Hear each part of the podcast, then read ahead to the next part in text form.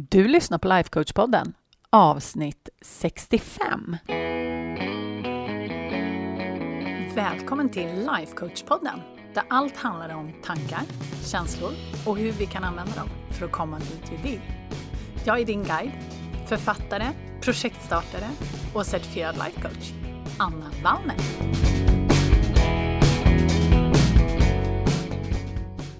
Men hej hallå på er! Nytt avsnitt, nya möjligheter, eller hur?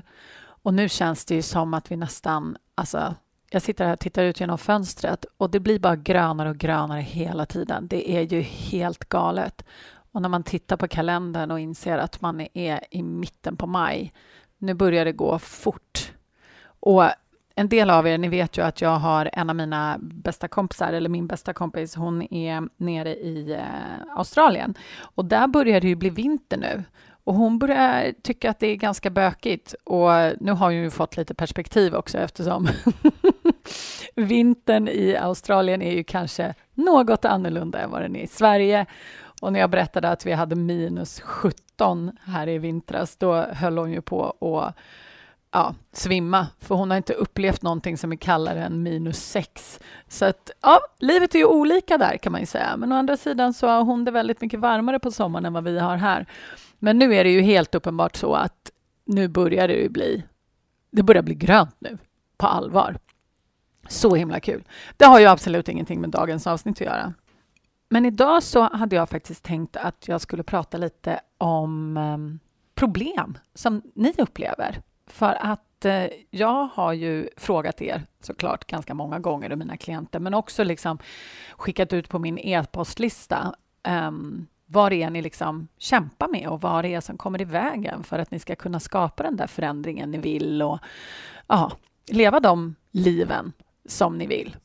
Och när jag gjorde det här om sistens så fick jag ju tillbaks så himla mycket svar och det är ju bara så himla kul. Och jag försöker ju adressera de här sakerna till min e-postlista och skicka ut lite tips och tricks och sådär. Så är du inte med på min e-postlista, då vill du ju såklart vara det. Och då, det lättaste är nästan att du bara går upp på annavallner.se och scrollar ner på någon av sidorna där så kommer du se ett formulär jag brukar skriva någonting i stil med jag vill också hålla kontakten eller något där.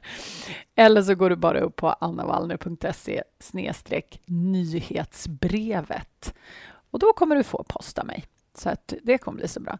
Nu kom den lilla hunden här också. Det hör ju inte ni, tror jag, hoppas jag. Men hon, den yngsta hunden som inte är så himla liten längre, hon fyller ju ett här i juni. Ni som har följt mig eh, på Instagram vet ju att jag um, fick tio valpar, eller jag fick inte tio valpar, min hund fick tio valpar förra sommaren och vi behöll ju en. Och hon kallas för Sessan och ehm, hon är nu större än sin mamma ehm, och väger mer än sin mamma.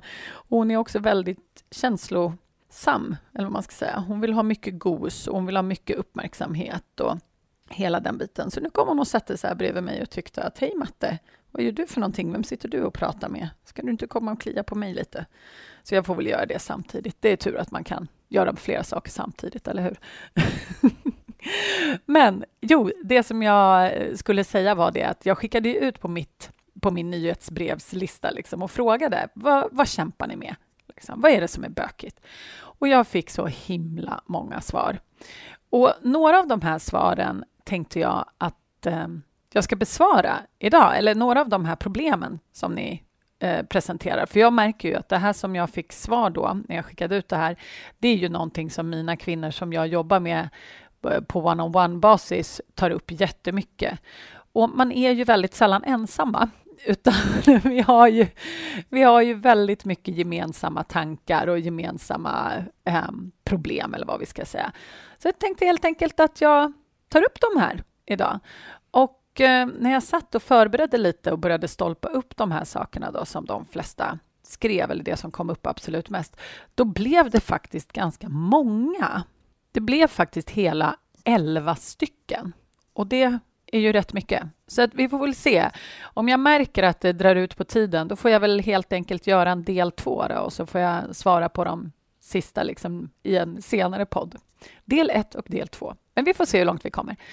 Och en sak då, som väldigt många tar upp med mig och som också kom upp i det här, då, det är bristande självförtroende.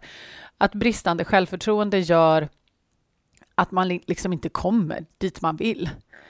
Och problemet här, skulle jag säga, det är ju liksom att vi har inpräntade tankar. Och de är väldigt ofta i linje med så här att ja, jag är inte tillräckligt smart eller tillräckligt snäll eller tillräckligt snygg eller tillräckligt smal eller jag är inte tillräckligt intelligent eller någonting i den. Man är inte tillräckligt någonting och därför så känner man att man kanske liksom inte riktigt duger eller kanske liksom inte riktigt mäter upp. Och ibland så kan det här vara någonting som återkommer väldigt, väldigt mycket och väldigt, väldigt ofta. Och för vissa så är det bara i vissa situationer. Det kanske är vissa personer eller vissa situationer som liksom triggar det här på något sätt. Men oavsett så är det ju ett jätte, jättehandikapp att ha dåligt självförtroende och det gagnar ingen. Och grundproblemet är ju just de här tankarna som jag säger, att vi tänker att vi liksom på något sätt inte liksom riktigt räcker till. Vi är inte så här, ja, vi är inte tillräckligt snälla eller smarta eller snygga eller vad det nu kan vara. Alltså, vi är våra absolut värsta domare. Alltså, vi dömer oss själva så jäkla hårt hela tiden. Och det är det som i grund och botten bottnar till det här liksom dåliga självförtroendet. Att man säger till sig själv att man liksom inte riktigt duger på något vis. Och det är ju crazy pants alltså. Det är ju helt värdelöst. Det finns ingen anledning att ha bristande självförtroende. Inte ens om det faktiskt är så att det är någonting som du kanske inte är så himla bra på. So what? Det spelar väl ingen roll. Du behöver inte ha dåligt självförtroende för det. Så att lösningen då, för vi vill ju alltid ha en lösning på problemet, det är att man helt enkelt lär sig att välja vad man vill tänka om sig själv. Att istället för att vara sin egen värsta domare så ser man till att lära sig att bli sin egen bästa cheerleader. Och det här är en färdighet som vi kan lära oss. Och vi kan lära oss att välja vad vi tänker. Det är liksom inte någonting som vi är födda med, utan det är någonting vi måste lära oss. Och just det här som jag pratar om, att det är faktiskt någonting vi kan lära oss. Det är faktiskt en färdighet. Det kommer du märka att jag kommer upprepa nu varenda gång. För alla de här problemen som folk kommer till mig med och säger så här, ja men det här står emellan mig och det jag vill ha. Allt det är saker som man faktiskt kan lära sig. Man kan lära sig att lösa de här problemen. En annan grej som folk också kommer till mig och säger så här, ja men det här är ett jättestort hinder mellan mig och det jag vill skapa, det är att väldigt många har svårt att fokusera. Man känner att man blir distraherad och man eh, hittar sig själv scrollande på mobilen eller att man håller på med någonting helt annat än det man faktiskt hade planerat att man skulle göra. Och problemet med det här, alltså orsaken till det här ska vi väl säga, det är att våran reptilhjärna, alltså den här som vill ha njutning i stunden hela tiden, den får ju oss att tvivla på att det som vi just planerat att vi ska göra, att det verkligen är rätt. Eller så tycker den, och jag refererar till reptilhjärnan som att det är en person, ni vet ju det, jag brukar ju kalla henne för Helga. Hon är också väldigt, väldigt uttråkad. Hon blir väldigt lätt uttråkad och då försöker hon ju få oss att fokusera på någonting annat, eller hur? För reptilhjärnan vill ju bara, som jag sa, ha njutning i stunden och vill använda så lite energi som möjligt. Och ibland så har vi bestämt att vi ska göra någonting och vi ska fokusera på det och det är inte så jäkla kul alla gånger. Och vad vill reptilhjärnan göra då? Någonting annat, eller hur? så lösningen på det här då, när man har svårt att fokusera, när man tycker att det är ett stort hinder, det är att helt enkelt lära sig att sluta lyssna på Helga. Alltså sluta lyssna på reptilhjärnan. Och det är en färdighet man kan lära sig. För vi kan lära oss att skapa en relation till den här reptilhjärnan så att vi faktiskt inser när den sätter igång. Och då kan vi aktivt välja att inte lyssna på den. Så himla fiffigt. Det går att lära sig. Trust me. En tredje grej som eh, väldigt många kommer till mig och säger, eh, och det här skulle jag säga är, ja, jag vet inte hur många gånger per dag jag pratar om det här med kvinnor, det är att de inte prioriterar sig själva. Att de puttar ut sig själva i marginalen hela tiden och prioriterar alla andra först. Och grundproblemet med det här, det är ju att vi som är socialiserade här som kvinnor i de här i-länderna, vi har på något sätt blivit lärda att vi är ansvariga för att andra mår bra och att det är någonting som är prioriterat. Det är liksom vår uppgift på något sätt. Så att vi skapar långa listor för oss själva vad som ska göras först. Och väldigt ofta relaterat till vad vi tycker att vi borde göra eller vad som ska göras, vad som ska göras för att folk ska må bra. Liksom alla de här basgrejerna. Och när vi har gjort liksom allt det, när vi vet att alla andra mår bra och att allt är rent och snyggt och allt är tvättat och liksom hela den här listan, ja men då ska vi få tid med oss. Och jag till och med coachade en, en klient igår som sa det att hon sa till sig själv att hon kunde inte fokusera eller prioritera sig själv om det inte var rent och snyggt hemma. Det är en sån himla typisk grej och det är så många av oss som har den. Men det är inte sant, vill jag bara säga. Det är inte sant. Det är bara någonting som vi har, liksom, vad ska man säga, internaliserat. Att det är någonting som är en förutsättning liksom, för att vi ska kunna slappna av och för att vi ska kunna koncentrera oss. Men det kan man, det är också en, en färdighet som man kan lära sig, att inte låta sig distraheras av att det är stökigt. Så att just den här att man säger till sig själv att man faktiskt inte kan njuta eller inte kan ta, sig, eh, ta hand om sig själv, liksom om det är stökigt eller otvättat eller vad det nu kan tänkas vara. Det är liksom inte sant. Det är bara någonting vi har fått för oss. Man kan absolut njuta av massor med olika saker, även om det finns massa tvätt och så. För grejen är det att om man väntar tills det att liksom hela listan är avcheckad, vad har ni märkt händer då? Jo, det blir inte så himla mycket tid över till oss, eller hur? För att den där listan, den tar ju liksom aldrig slut. Det finns alltid något på den listan att göra. Det finns alltid någon som pockar på vår uppmärksamhet. Det finns alltid något vi skulle kunna göra för någonting annat. Eller för någon annan, ska jag säga. Så lösningen på det här, det är ju att inse att det faktiskt inte finns en motsättning mellan att vi tar hand om oss och andra. Ni vet det här som flygvärdinnorna säger hela tiden. Sätt på din egen syrgasmask först och hjälp sen andra. Och det gäller verkligen, det är ingen lögn. Du kan inte vara till nytta för någon, varken dig själv eller någon annan, om du har bränt ljuset i båda ändarna och är utbränd. Och ni som, ni som har utbrändhet liksom i bagaget, ni vet ju det här bättre än några. Att det lönar sig inte, det funkar inte och ändå så är det så många kvinnor som gör det igen och igen och igen. Och det betyder inte att det är fel på oss, att vi liksom vill vara tillmötesgående och ta hand om andra. Det här är ju någonting som vi har liksom tagit ombord på grund av all socialisering som vi har runt omkring oss. Så att det här med att faktiskt ta hand om sig själv och se till att man själv fungerar och ta ansvar för det, det är absolut en färdighet som vi kan lära oss. Att sluta putta ut sig själv i marginalen, det är en färdighet. Och den är jäkligt bra att ha, det kan jag lova dig. Okej, vi går vidare då. Prokrastinering, det är också någonting som väldigt många eh, har problem med. Och problemet där, det är ju ofta att vi säger till oss själva så här, ja, men jag kan göra det sen. Och vi undviker liksom det här obehaget i stunden. Ända fram tills att det blir liksom någon typ av deadline. Och då, det som händer, för det är jättemånga som kommer till mig och säger så här, ja, men jag jobbar jättebra under deadline, under liksom deadline-press. Men grejen är det att det gör vi inte. Enda anledningen till att vi uppfattar det som att det är så, det är att först så har vi den här uppgiften som vi ska göra, som vi i för sig kanske har en deadline på. Och sen så känner vi liksom obehag inför den och då säger, liksom, då säger vi till oss själva att det är den här uppgiften som gör att vi känner obehag.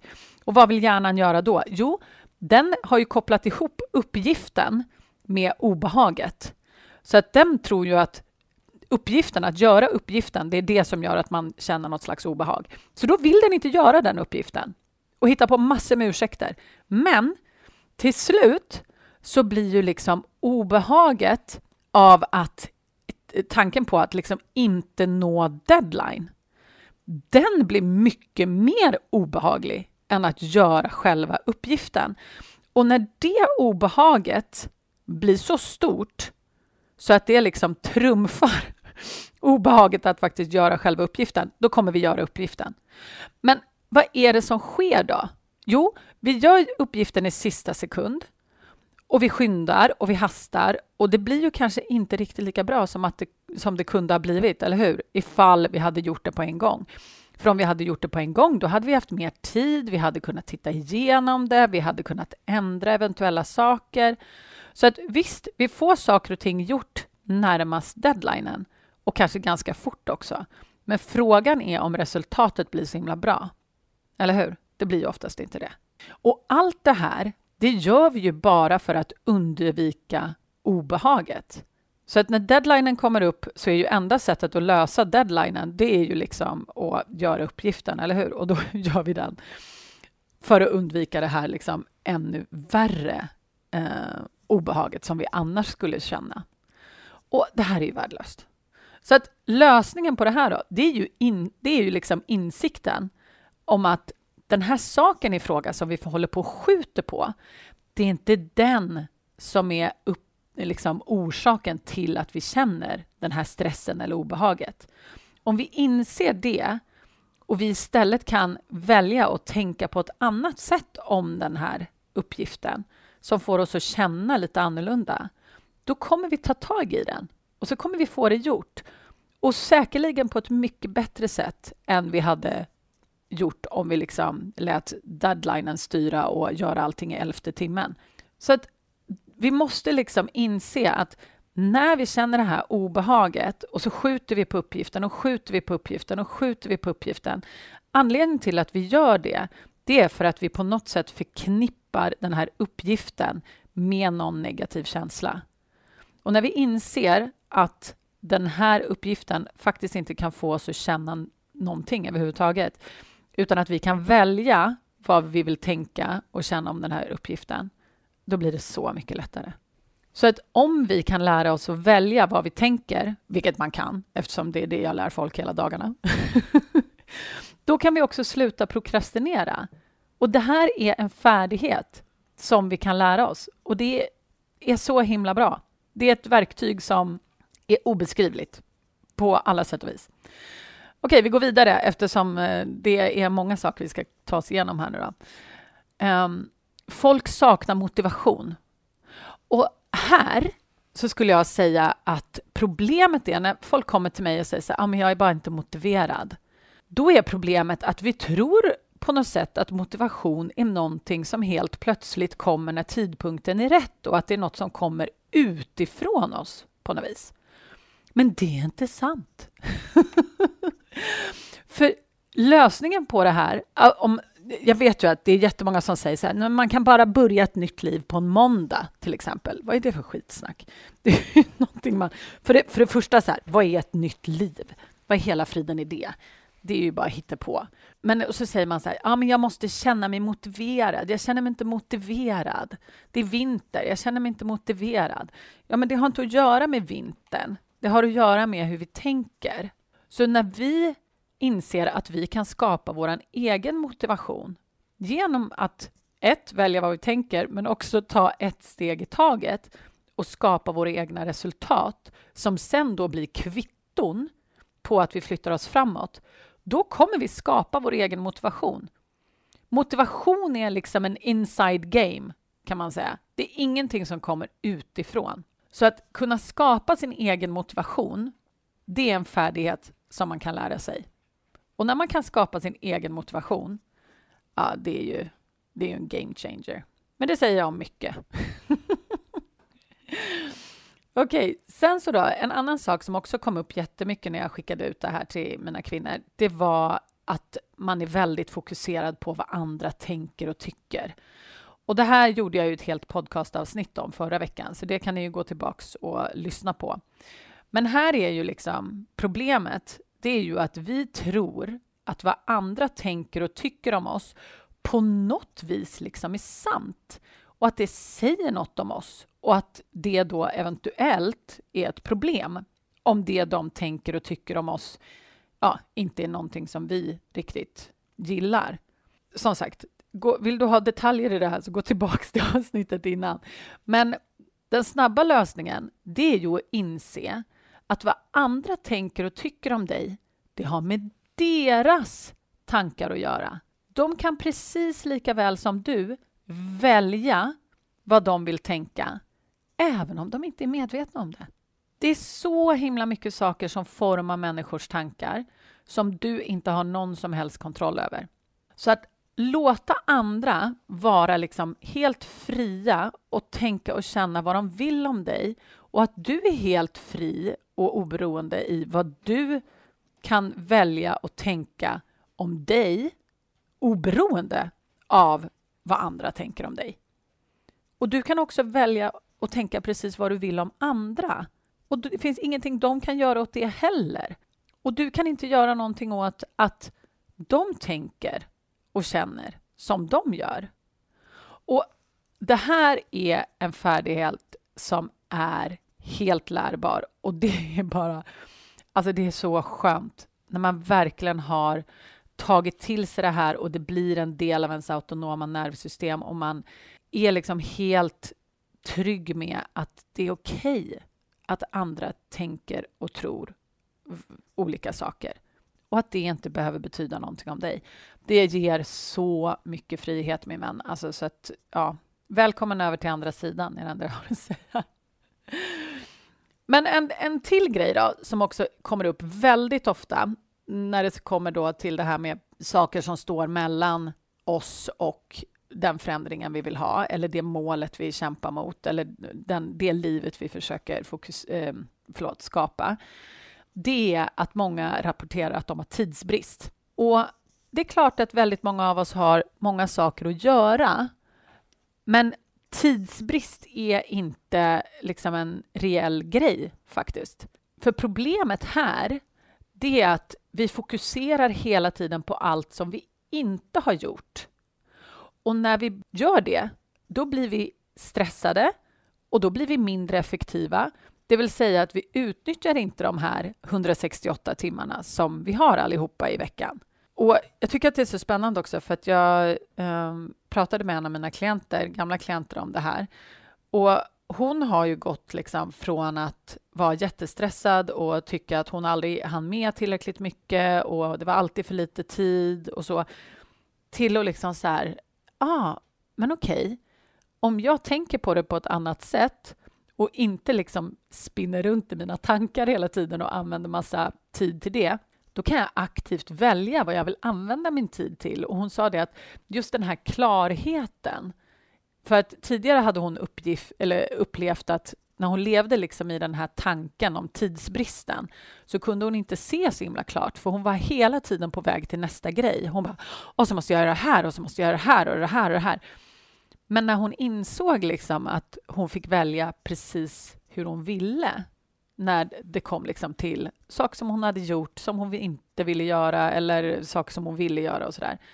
Att då kunde hon få ett helt annat lugn. Och när hon fick det här lugnet då kunde hon ju delvis se allt hon hade gjort men hon kunde också välja så mycket tydligare vad det var hon faktiskt ville göra och ville prioritera. Och så kunde hon släppa väldigt mycket saker också.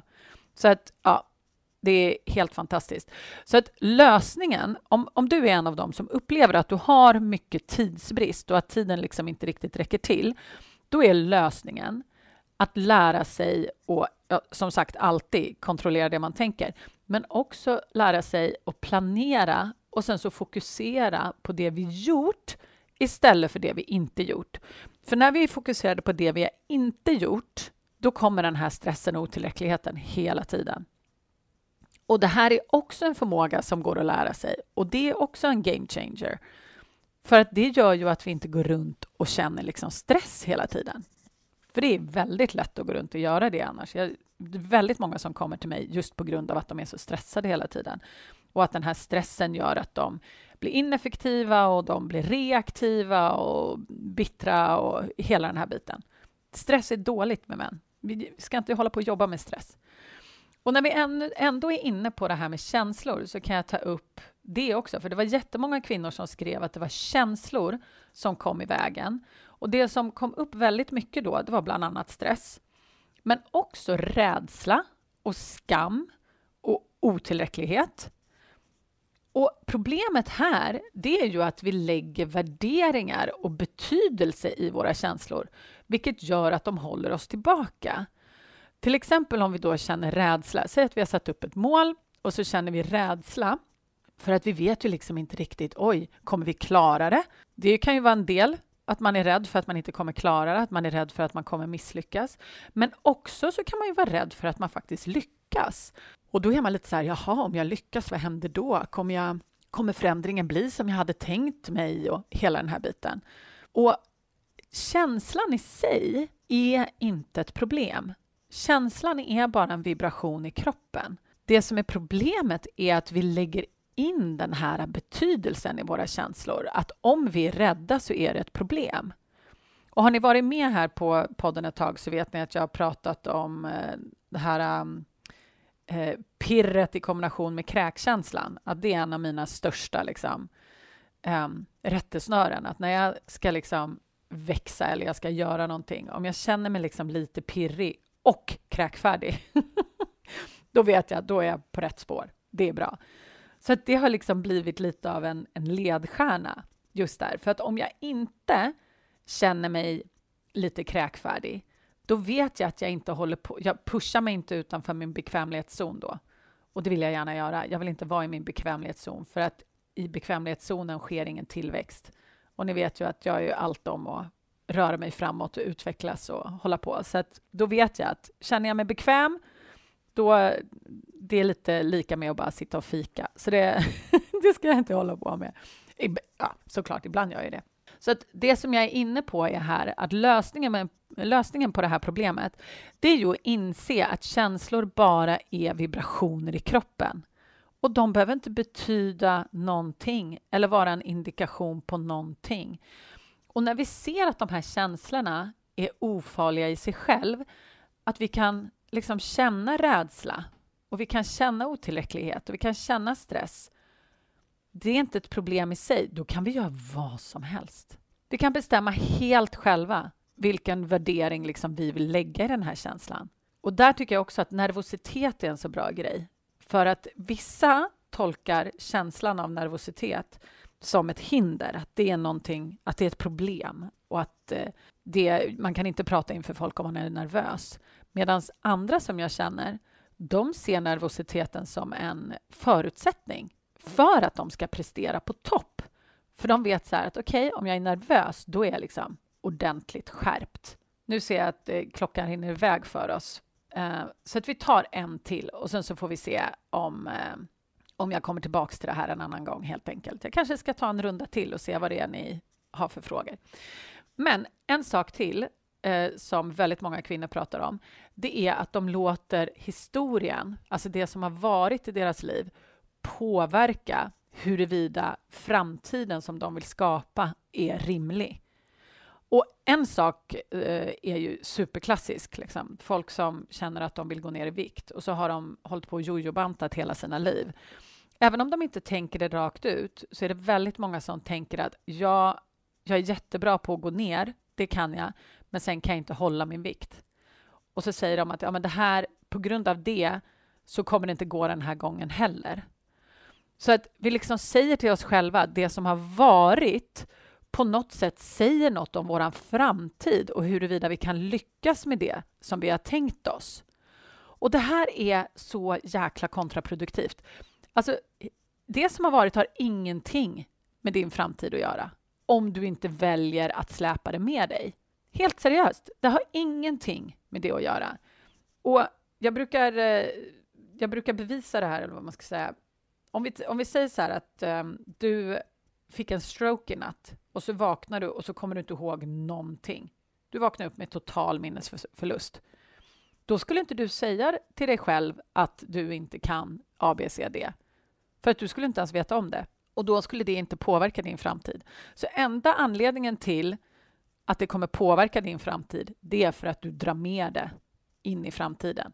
Så lösningen på det här problemet, det är ju att inse att det som har hänt, det betyder inte någonting om din framtid.